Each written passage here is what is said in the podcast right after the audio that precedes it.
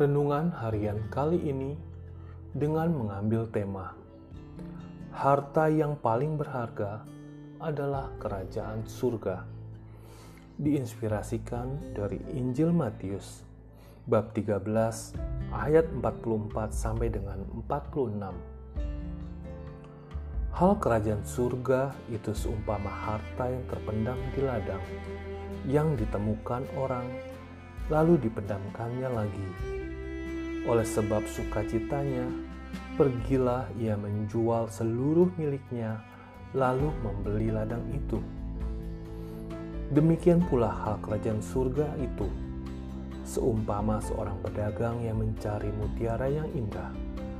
Setelah ditemukannya mutiara yang sangat berharga, ia pun pergi menjual seluruh miliknya, lalu membeli mutiara itu. Demikianlah Injil Tuhan. Terpujilah Kristus.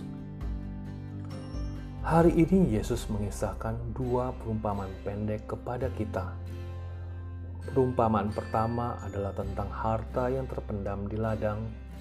Harta itu ditemukan oleh seorang pekerja ketika dirinya menggarap ladang milik seorang tuan tanah. Begitu menemukannya, orang itu segera memendamnya lagi agar tidak diketahui oleh si pemilik tanah maupun orang-orang lain. Ia pun buru-buru pulang ke rumah, menjual seluruh miliknya lalu membeli ladang tersebut. Seketika ia menjadi orang paling beruntung, sebab ladang sekaligus harta itu kemudian menjadi miliknya. Perumpamaan kedua adalah tentang mutiara yang indah. Pada zaman dahulu, mutiara-mutiara paling indah di dunia ditemukan di Laut Merah, Teluk Persia, dan Samudra Hindia.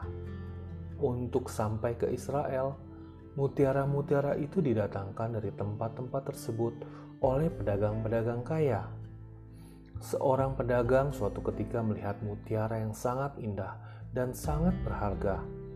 Seperti yang dilakukan si pekerja dalam perumpamaan sebelumnya, ia pun menjual segala harta miliknya demi mendapatkan mutiara itu. Tidak untuk dijual kembali, tetapi untuk dimiliki olehnya sendiri.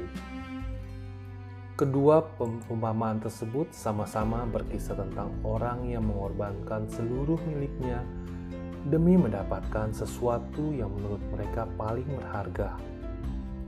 Para rabi Yahudi mengajarkan perlunya orang mengorbankan segala sesuatu demi mempelajari Taurat.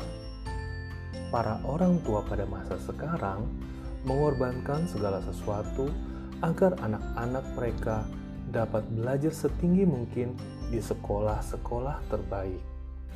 Banyak orang mengorbankan segala sesuatu agar dapat bekerja di perusahaan-perusahaan besar yang terkenal.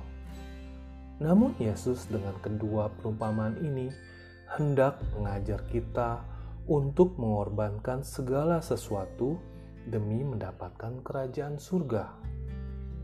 Di tempat lain, juga dalam Injil Matius, Yesus berkata, "Tetapi carilah dahulu kerajaan Allah dan kebenarannya, maka semuanya itu akan ditambahkan kepadamu."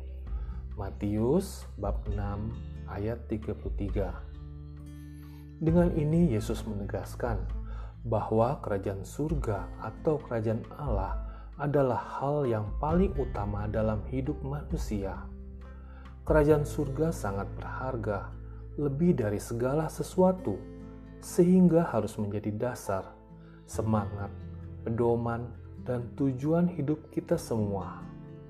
Alih-alih kesenangan duniawi dan kepentingan-kepentingan pribadi, pandangan dan langkah kaki kita harus terarah kepada kerajaan surga semata. Mendapatkan segala sesuatu di dunia ini belum tentu termasuk mendapatkan kerajaan surga. Namun, kalau kita mendapatkan kerajaan surga, sudah pasti kita mendapatkan pula segala sesuatu yang kita butuhkan. Karena itu, bacaan Injil hari ini mengajak kita untuk menentukan prioritas hidup. apa yang paling penting bagi kita dalam kehidupan ini? Apakah uang, harta yang banyak, pekerjaan, kedudukan, atau barang-barang tertentu? Sungguh mengherankan bahwa beberapa orang merasa bahwa hidup mereka belum lengkap dan belum sempurna kalau belum mempunyai rumah, belum mempunyai mobil, belum bekerja di kantor, atau bahkan belum mempunyai telepon genggam merek tertentu. Kalau kita termasuk orang-orang yang seperti itu, mari segera mengubah pola pikir. Yang paling berharga adalah kerajaan surga. Hidup kita belum lengkap dan belum sempurna kalau belum memiliki kerajaan surga.